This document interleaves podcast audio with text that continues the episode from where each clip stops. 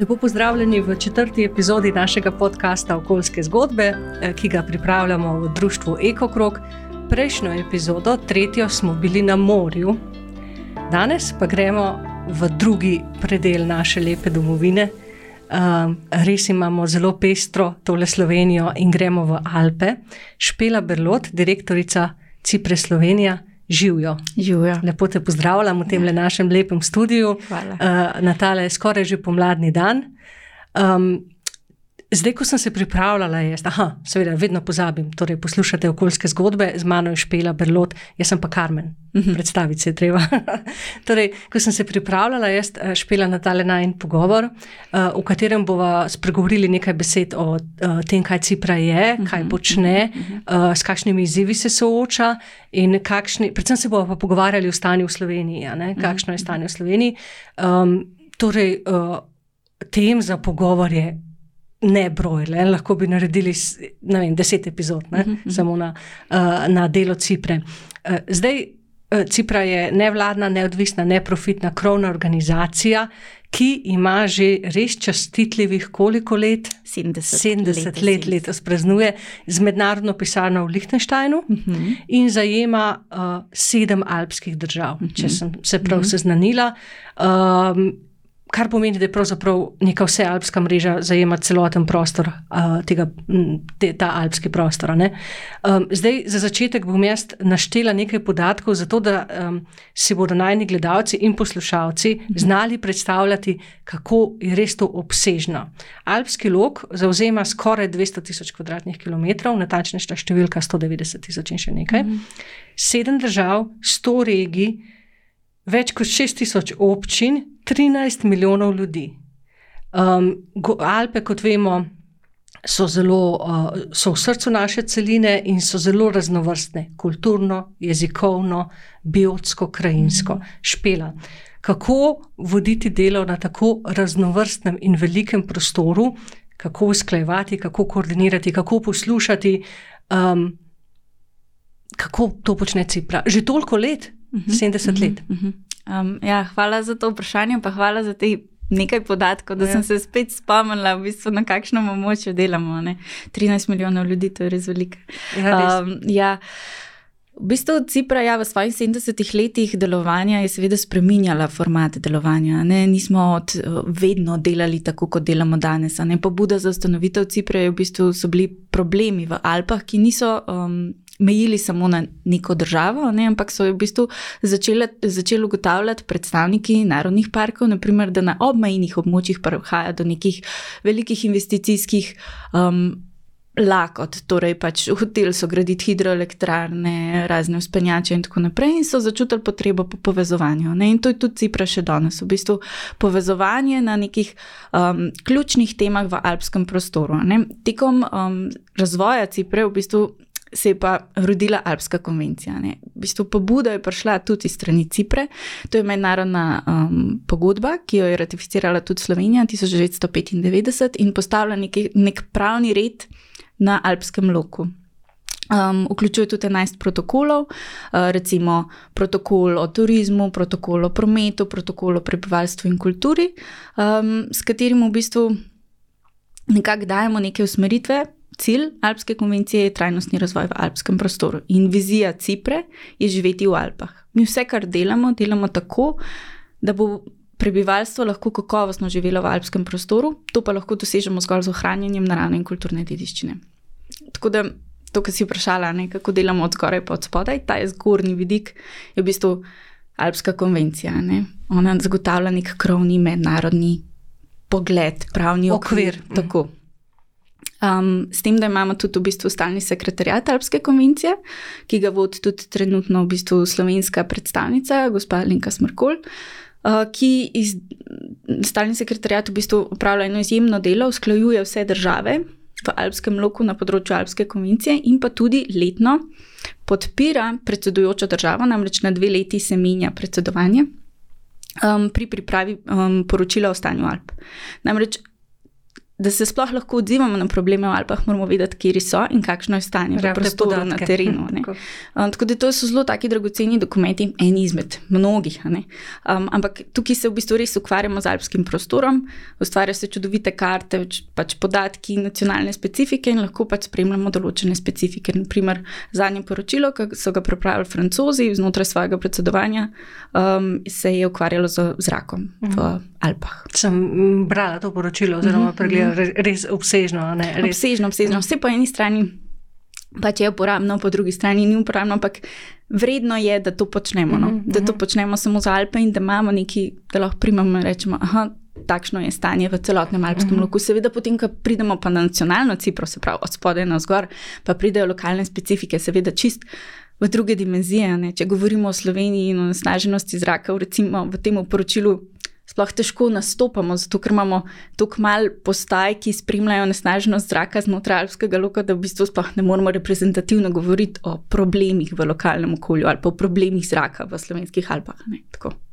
Um, s tem, da je ta pristop od spodaj na zgor in od, od zgoraj na vzdolj, uh -huh. uh, pa verjetno tudi pri delu samem uh, z ljudmi in skupnostmi, ki uh, živijo v Alpah, uh mhm. -huh. kar pomeni nek okvir, tako kot je pač pri vsakem delu, ne? nek okvir in potem neke pobude, ki tako, prihajajo tako, pač, tako. Uh, od, od spodaj na zgor. Ja, od Cipra, um, Cipra je v bistvu um, pobudnica večjih tehničnih mrež od spodaj na zgor, uh mhm. -huh. torej recimo. Um, Eh, kaže, mreža občin povezanost v Alpah, potem imamo um, Alpaka, Alpsko mesto leta. To so pač neka, neke skupnosti v Alpah, ki so zaznale, da, so pač, da, da je trajnostni razvoj prednost, uh -huh. ki v mhm. to verjamejo, ki vlagajo v to, ki imajo ljudi za sabo, imajo prodorne župane, prodorne um, uradnike, prodorne civilno inicijativo, kogarkoli, ki so se združili pač z nekim, z nekim questom, ne? nek namen imajo in, in to, to dosegajo. No, tako da um, te mreže v bistvu res, um, potem, kar, kar je dodana vrednost, je seveda spet mreženje. Tudi marsikatera slovenska občina, Alpska, je pač del nekih teh mrež in med sabo se potem povezujejo in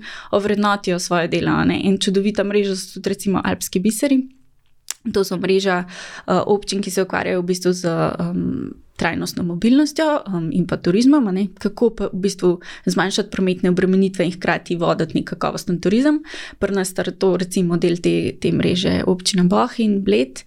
Um, in pač se res vidi ta izmenjava znanj, ideje, vizija, mm. pač delajo na tem, in rezultati so vidni tudi v lokalnem okolju. Ja, o tem, kaj lahko v bistvu ta alpski prostor, eh, dobre prakse, ki jih lahko ponudi tudi širši, mm -hmm. širšemu prostoru, o tem bomo še mm -hmm. govorili. Um, zdaj, za začetek, ne.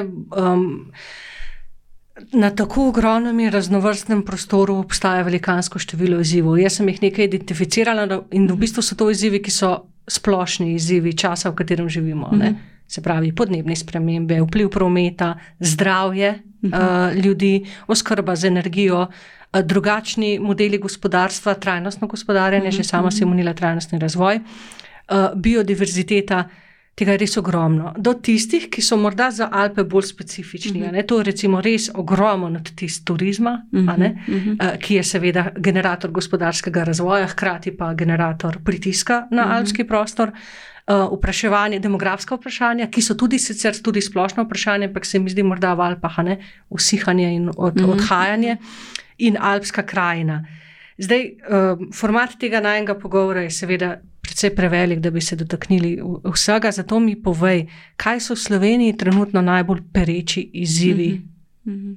kje ti vidiš tisto točko, uh, kjer nam gre slabo, pa tudi tisto točko, kjer nam gre dobro. Mm -hmm. Oboje.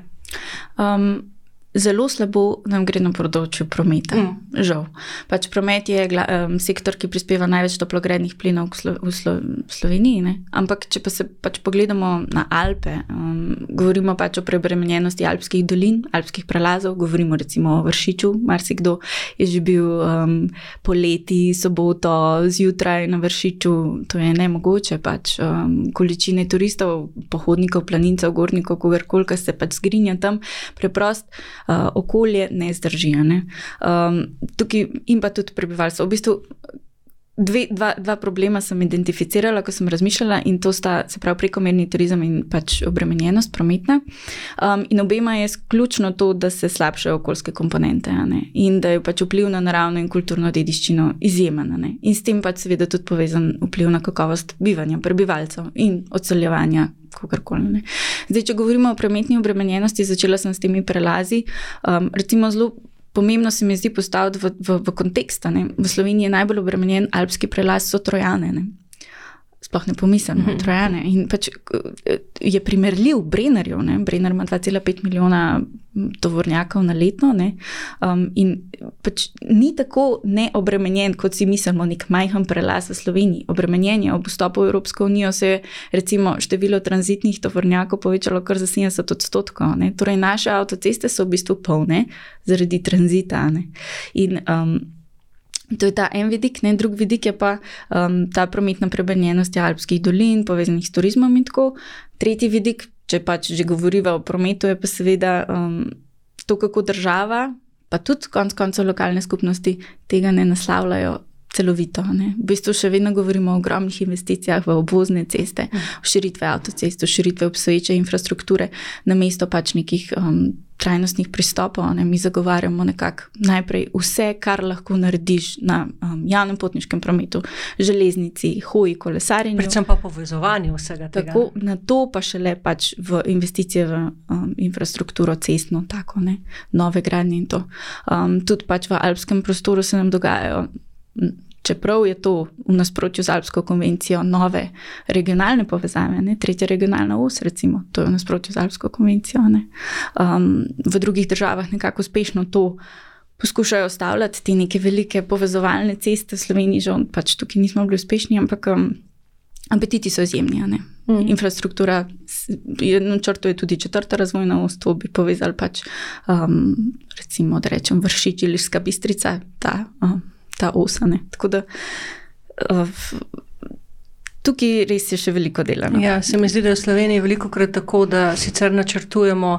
Uh, neke infrastrukturne projekte, ki naj bi jih uporabljali ljudje, ker verjetno se obe strinjava, da ljudje se pač morajo, moramo voziti po varnih cestah. Mm, Ampak na, na koncu pač se vse kdo drug uh mhm. -huh. vozi po cestah, ki so bile zgrajene z našim denarjem, ja, kot se reče, ne tranzita. Ne? Ja. Ne, dva žaklja sta. Ja. En žakelj je zdržovanje, ki seveda pač je, je preprazen, naše ceste so v slabem stanju, ja. to ja. sploh ni dilema, ampak drug žakelj, ki je pa izjemno velik, je pa pač to investicija v novo cestno infrastrukturo in to ni, to ni v skladu z, z, z nobenim dogovorom, evropskim, državnim. Ni, ni in, in peljamo to politiko v bistvu vse čas naprej ne, in do preobrazbe prometne politike, s čimer pač se tudi mi prizadevamo znotraj koalicije za um, trajnostno prometno politiko, um, pač ne dosežemo. No. Um, Ja, si hotela še nekaj? Ja, reči? Eh, glede drugega, drugega tega problema, ne, ki sem ga pa nekako identificirala, je pa prekomerni turizem. turizem. Ne, tako kot si ti omenila, v bistvu ta oglični vtis, ki ga pušča um, turizem v, v Alpah, ne, je res izjemen. Um, pa ne samo oglični vtis, pač tudi so pa vpliv na naravno in kulturno dediščino. Vedno bolj se v bistvu na Cipri ugotavljamo, da.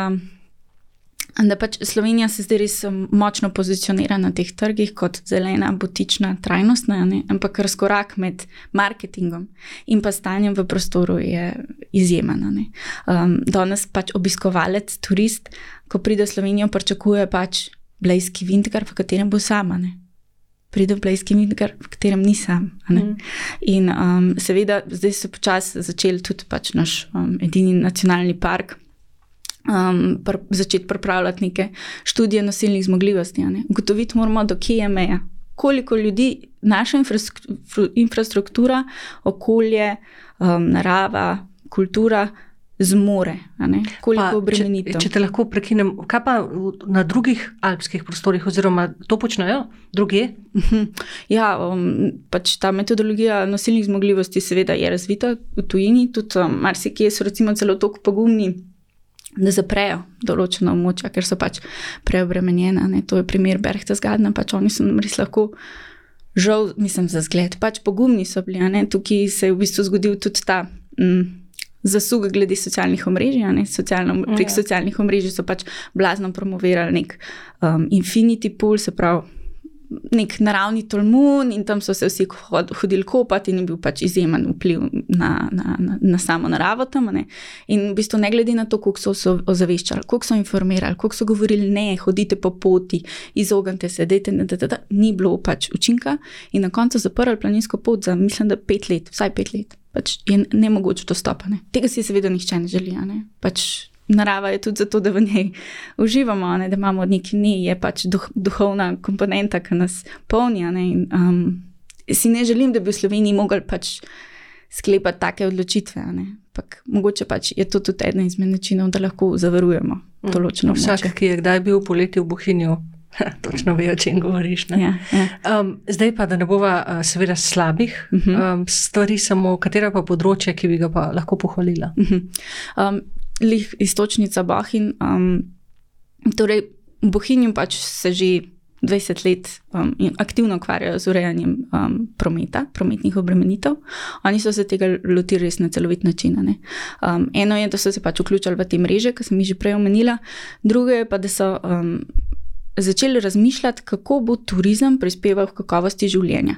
Namreč ti, oni so razvili pač to enotno kartico Gost Pohin, ki omogoča v bistvu obiskovalcu, da um, za določeno ceno ima pač na možnost uporabe vseh avtobusov v tistem območju, um, park and ride, različnih drugih oblik mobilnosti.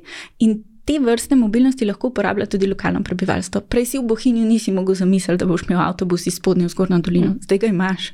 Ti kot lokalni prebivalec nekaj od tega imaš. In to, pač, taki, take prakse so res pač lepo jih je spremljati in videti, kako zorijo in kako verjamejo v to in vidijo pač rezultate. Ne? In jezerska kotanja, bohinjska, se pač je vedno bolj razbremenjena in pač cilj je imeti pač avtom, nič, nič avtomobilov okrog. Jezera, in da je v bistvu dobro za vse, predvsem, predvsem pa za tiste, ki tam živijo, res je. Ja, Mi tako, smo obiskovalci, tako. ljudje tam živijo.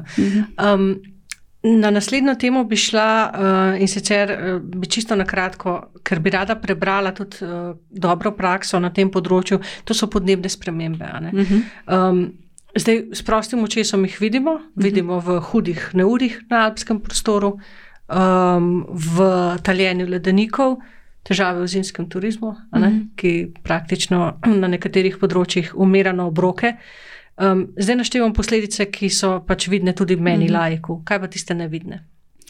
Ja, jaz mislen, si mislim, da mogoče marsikateri poslušalec ne poveže podnebnih sprememb z podlubniki.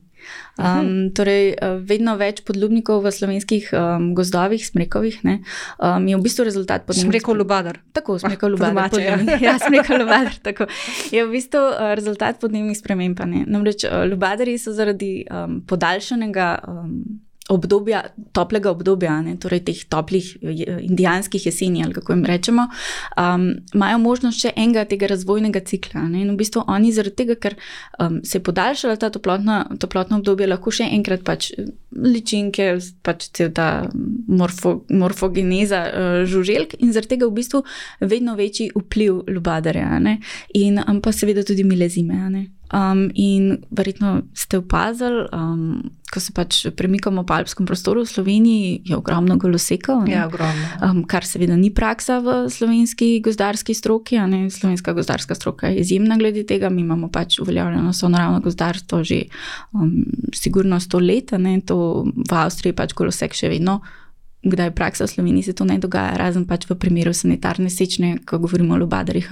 Tako da recimo te lubadari se mi zdi, da je tako zelo, zelo ena taka vidna posledica, ki jo mogoče ne povežemo s podnebnimi spremembami. Opažamo pravzaprav celotna, tudi ne samo goloseko, ampak celotna rjava pobočja, uh -huh, ne, uh -huh. um, še ne, po, ne, ne posekanih pobočij. Tako, tako je. Ja.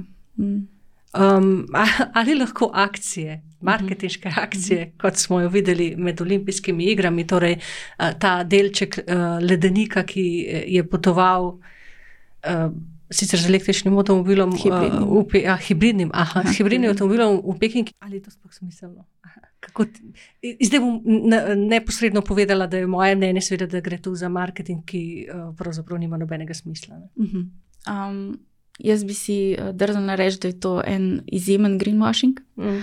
Um, tudi organizatori um, pravijo, da bojo za vsak prevožen kilometr posadili eno drevo. Ne gre tako, da pač za vsak kilogram izpuščenega CO2 posadimo drevo, pač s tem nismo naredili nič, pač ja, ok, to. To drevo bo posrkalo nekaj CO2, ampak še vsem smo pač ta CO2 izpustili v ozračje. Um, definitivno sem mnenja, da, da, da taka akcija je res marketinška akcija, tudi pač um, gradiva, ki so jih pripravili, nekako ne vidim, da bojo vodila v, v spremembo obnašanja, kar je njihov cilj, um, da bi pač sledilci spremenili neke svoje um, navade.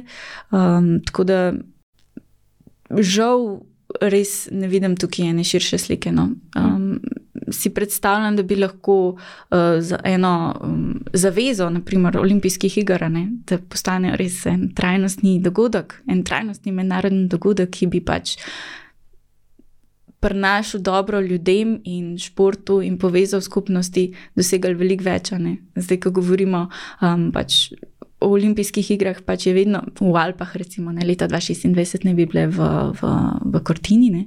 Um, ti prej, prejšnji teden ali pred 14 dnevi smo oblikovali eno stališče, namreč pač zopet um, obstaja to tveganje, da se bo šlo v neko gradnjo novih infrastruktur. In, ne, olimpijske igre bi mogle biti ta moment.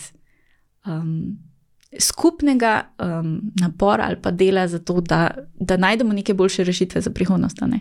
In neka marketinška akcija, ki tako zelo na tak banalen, poenostavljen način spremlja olimpijske igre, mislim, da res ja, ne prispeva. No? Ja, ja poenostavitev, z jezika sem vzela. Ja. Ampak uh, olimpijske igre so spet verjetno ja, verjetno svoja, ja. svoja tema, spet, če se dotakneva teh, ki potekajo v tem trenutku, ko se mi dve pogovarjava. Mhm. Uh, Kitajci se hvalijo, da so zelene, hkrati pa je v sneg narejen.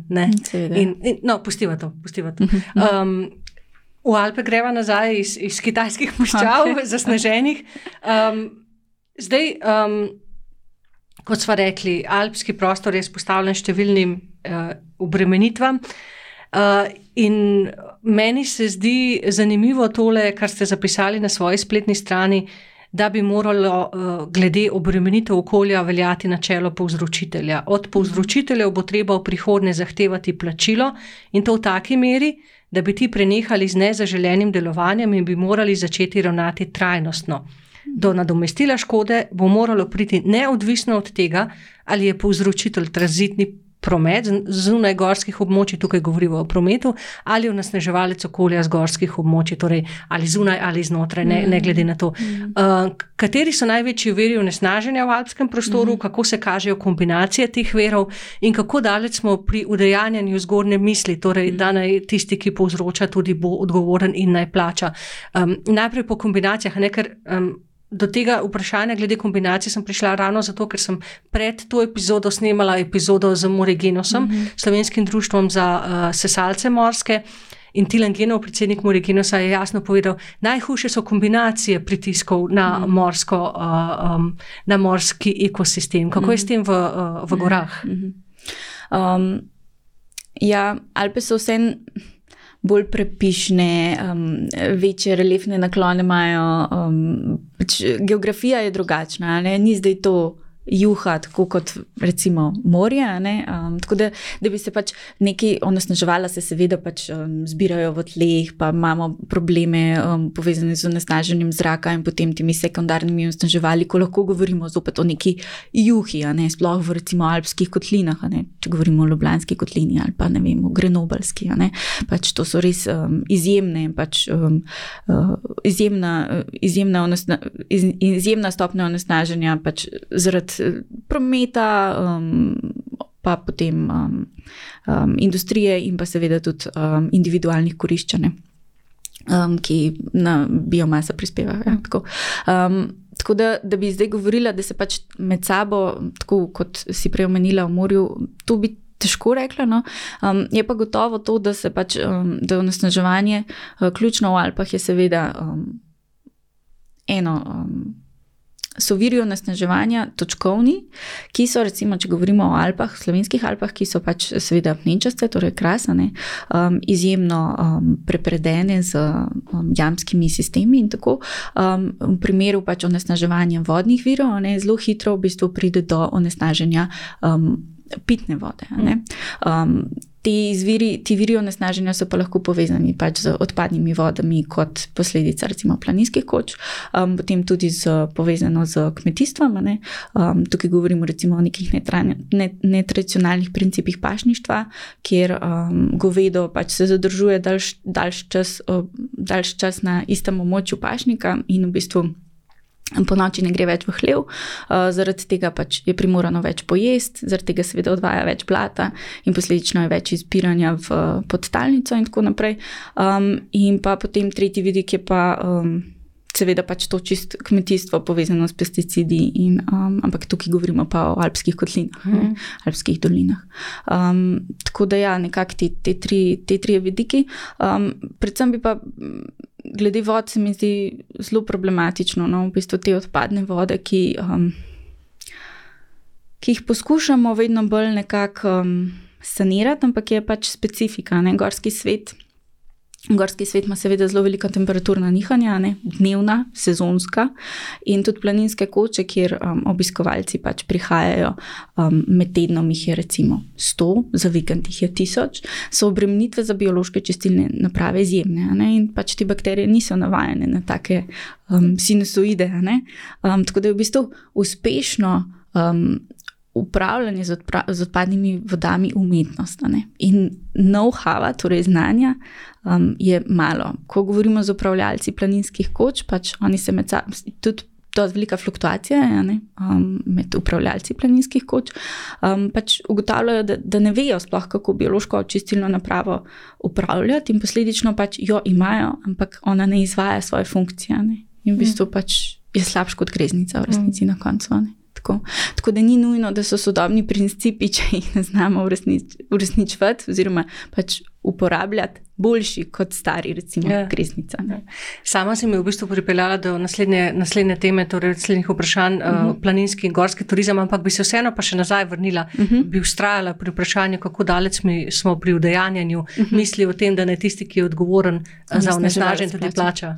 Ja, mogoče bi odgovorila z enim zelo, zelo aktualnim um, stanjem v državi. Verjetno ste slišali, da je trenutno v parlamentu zakon o varstvu okolja, kjer govorijo o um, schemi nepovratnih sredstev, uh, kjer naj bi 12 največjim onesnaževalcem v Sloveniji um, pomagali um, prek podnebnega sklada pač plačevati neposredne stroške, ki so povezani z um, njihovim delovanjem. Torej, moj odgovor je ne, nismo daleč. Pač, um, nismo nikjer, pravzaprav. Nismo nikjer, oziroma mogoče smo še celo. Kakšen korak nazaj, kot smo bili. No. Mm. Um, ne morem reči ene dobre prakse, da bi rekla, da ja, tukaj se je ponosnaževalec zavezal, da bo plačal. Kaj pa v Evropi? Oziroma na tem alpskem prostoru Cipre? Mm, ne bi znala odgovoriti. Uh -huh. mm -mm.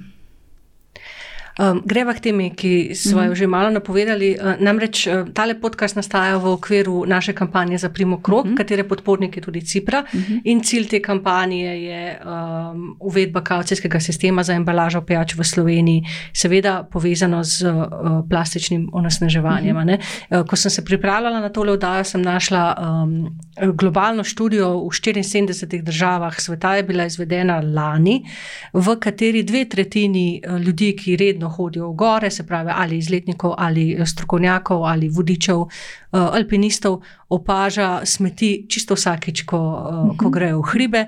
Uh, 60 odstotkov uh, jih opaža, da je smeti več, kot jih je bilo pred petimi mhm. leti. Um, Med njimi so seveda zdaj ponovno, žal, tudi odpadki povezani z pandemijo, ne, maske. Uh -huh, uh -huh. Um, je pa plastika tisti, tisti odpadek, oziroma tist, so tiste smeti, ki jih najpogosteje najdejo uh, uh, v gorah. Uh, vsi slišimo še enkrat, če se navežem uh, na prejšnji podcast, na probleme, ki jih plastika povzroča v oceanih. Mhm. Kaj pa v gorah?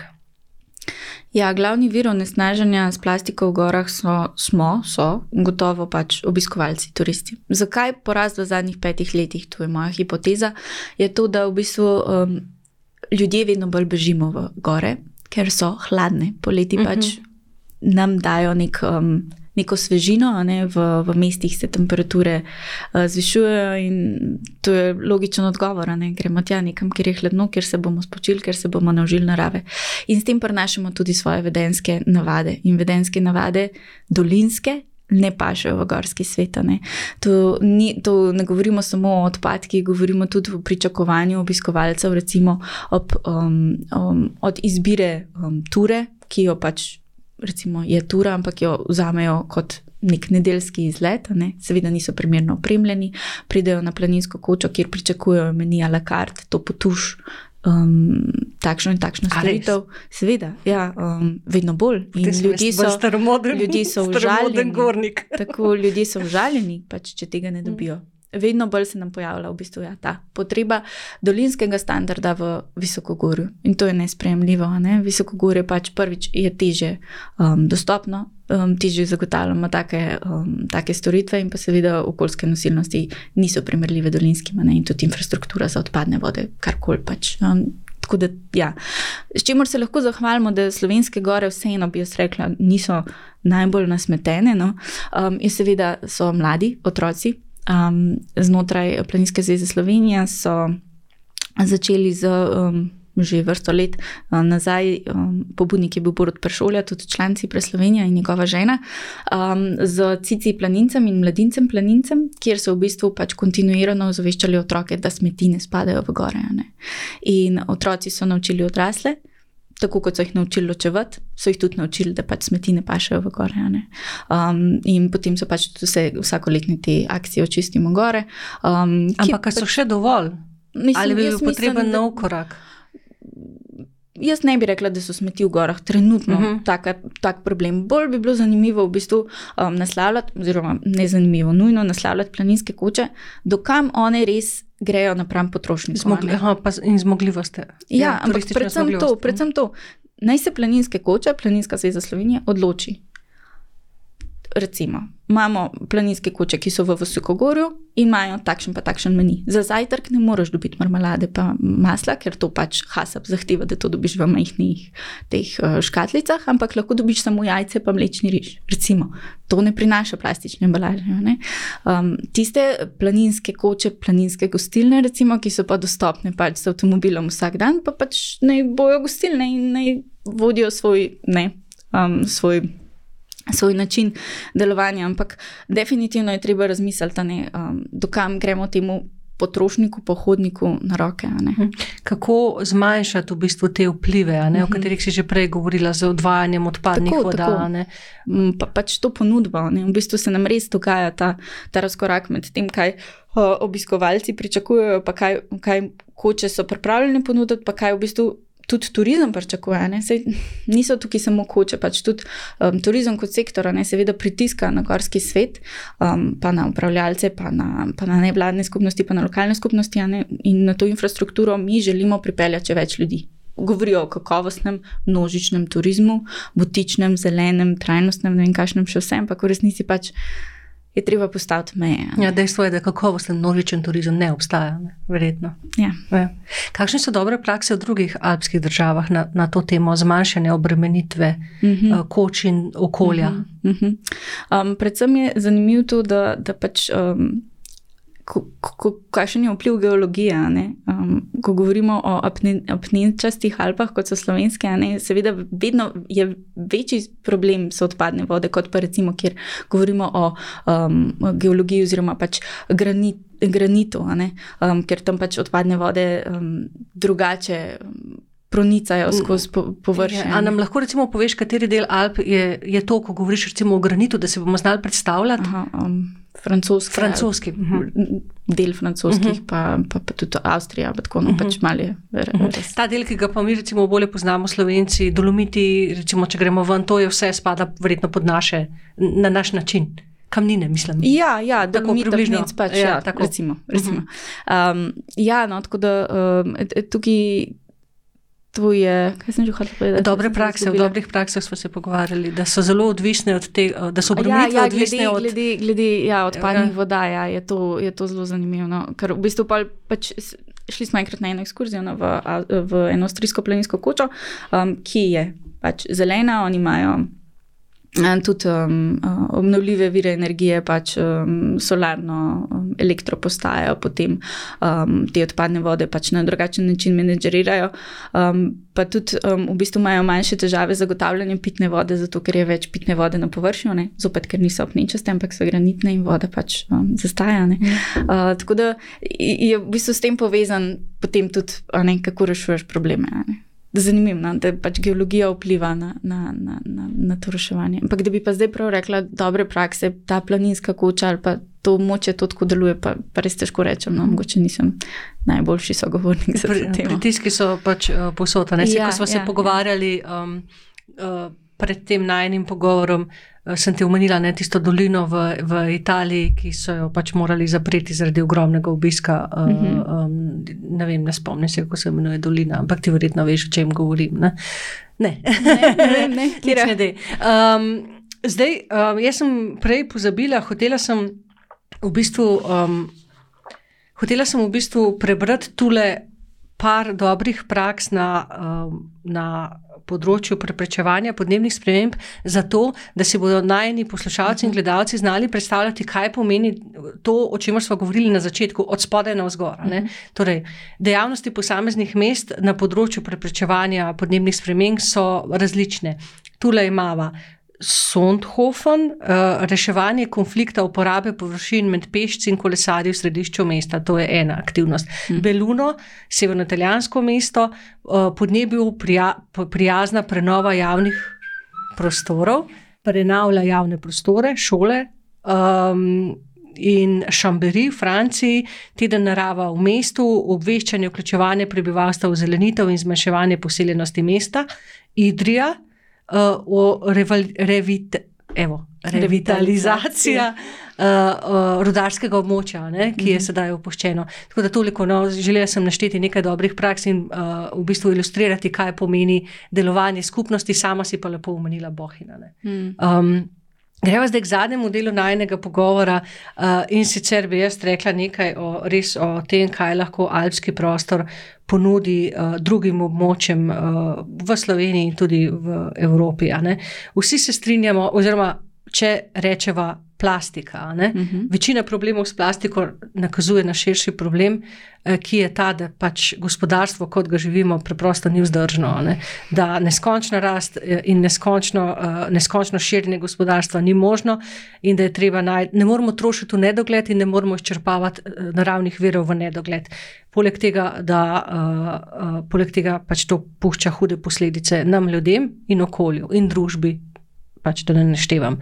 Um, nujne so drugačne dobre prakse gospodarjenja. Cipra omenja cilje: energetsko učinkovito, nizkooglično gospodarstvo, zveri učinkovito gospodarstvo, gospodarstvo, ki temelji na ekosistemskih storitvah in naravnem kapitalu, ter na koncu krona vsega, pravzaprav se meni zdi gospodarstvo, ki podpira kakovo življenja in blaginjo. Mhm. Ker seveda.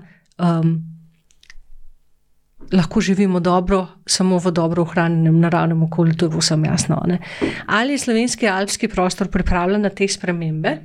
Oziroma, če vprašam drugače, ali jih že živi, uh mhm. -huh. jih bo živel, kdaj jih bo živel in kaj lahko slovenci ponudimo v tem pogledu drugim? Uh mhm. -huh. Kompleksno vprašanje. Mislim, da nekatere alpske skupnosti slovenske so, pa ne samo alpske, tudi um, recimo temu notranske, kraške. Um, mogoče tiste, ki, so, ki imajo mogoče malo teže um, pogoje za bivanje, pa so malo bolj stran od Ljubljane, od nekih teh urbaniziranih območij, um, ki so bolj povezane med sabo, ki imajo večji stik z, z naravnimi viri, pa z nekim tradicionalnim načinom življenja, so našli že pač prakse trajnostnega gospodarjenja. Ne. Gospodarjenja, ne govorimo o gospodarstvu, uh -huh. govorimo o gospodarjenju. Ne. To so pač um, primeri dobrih praks agrarnih skupnosti, ne, ki delajo pač. Um, Kot skupnost upravljajo pač površine, pašniške, kmetijske. Um, potem, recimo, drug primer, ki bi ga izpostavila, so uh, schema gorniških vasi, v katero je recimo vstopilo jezersko um, pred parimi leti. Um, to je um, schema um, kjer v bistvu se skupnost odloči za trajnostni turizem.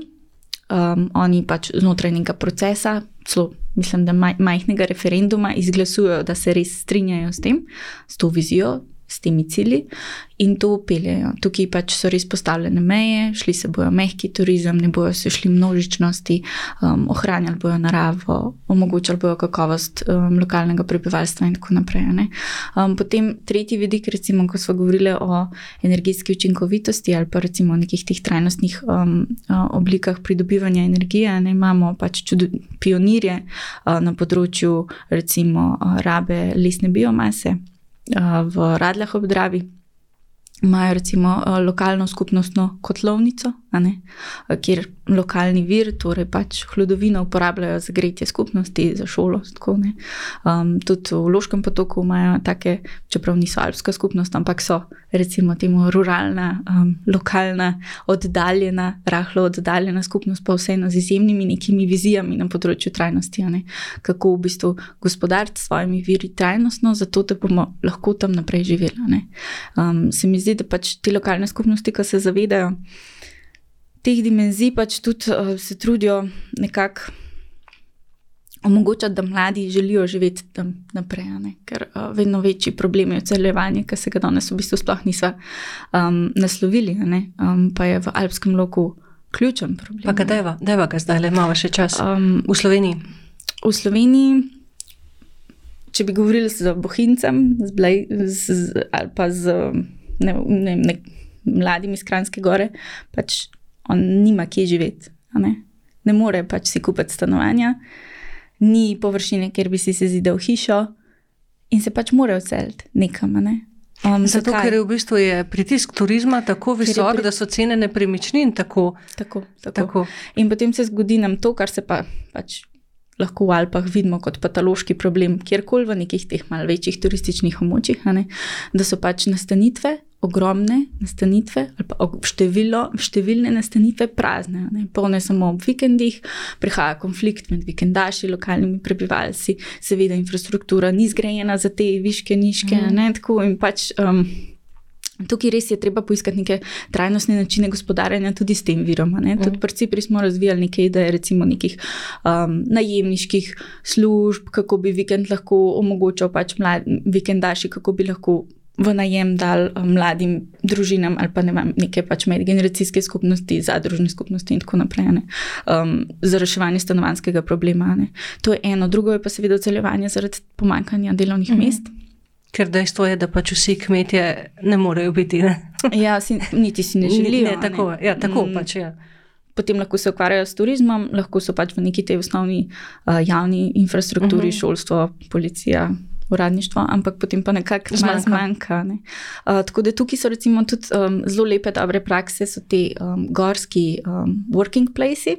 Uh, v Švici so že um, razvili ene par. Um, čudovitih primerov, no, um, kako v bistvu ključna je pač dobra internetna povezava. Ne ki je v gorskem svetu marsikje še vedno pač zgolj fantazija. Uh, tako da pač opremati gorske skupnosti z dobro internetno povezavo je ključno za to, da lahko mladi ostanejo na tistem območju, ker pač mladi vedno bolj delamo v digital. Mm. Um, in um, potem pač seveda nočeš ostati doma, hočeš pač imeti neko možnost kave, izmenjave izkušenj, informacij. In v bistvu imam, obstajajo primeri coworkingov v nekih recimo skupnostnih prostorih. V območju občine, um, kamor pač prihajajo tisti mladi iz tiste občine in pač skupaj delajo. Ne? Seveda, vsako svoje podjetje, ampak um, prihaja do izmenjave znanj, imaš občutek delovnega okolja in tako naprej. Tako da tukaj je to ena rešitev. Izjemno kompleksno vprašanje. Vidim. Hvala, mm. ker si mi odprla uh, pogled. Uh, ne? Nihče mm. ne razmišlja o tem, o tej uh, hitro um, pasovni povezavi oziroma zmogljivosti interneta. Ja, ja, ja, ja. Um, prej si mi naštela dobre prakse, spet od spodaj na zgor. Mm -hmm. Zdaj te pa jaz vprašam, ok, od spodaj na zgor smo pripravljeni, kaj pa v obratno smer? Uf. Država Slovenija in njeni. Um, njeni, kako rečem, pač segmenti, ki morajo uh mhm. -huh. poskrbeti za to, da bo drugačen gospodarski razvoj možen. Uh mhm. -huh. Razvoj, ki ne bo izčrpaval verov in ljudi do nemoglosti uh -huh. in mhm. čez. mogoče povabim poslušalce, gledalce, ko gledajo um, dveh filmčkov na to temo, pa si potem lahko sami poslušalci um, oblikujejo pogled na to, kje smo, pa koliko nam še mesto manjka. Ob pripravi vizije razvoja Slovenije 2030 ali pa 2050, nisem se pripričana, so pripravili tudi ten filmček. Um, in ta filmček um, je ilustriran. V njemu nastopa samo ena ženska, vse ostalo so moški, ki z um, kravatami um, stojijo na vrhu enega hriba, gledajo v dolino in snujejo prihodnost te doline.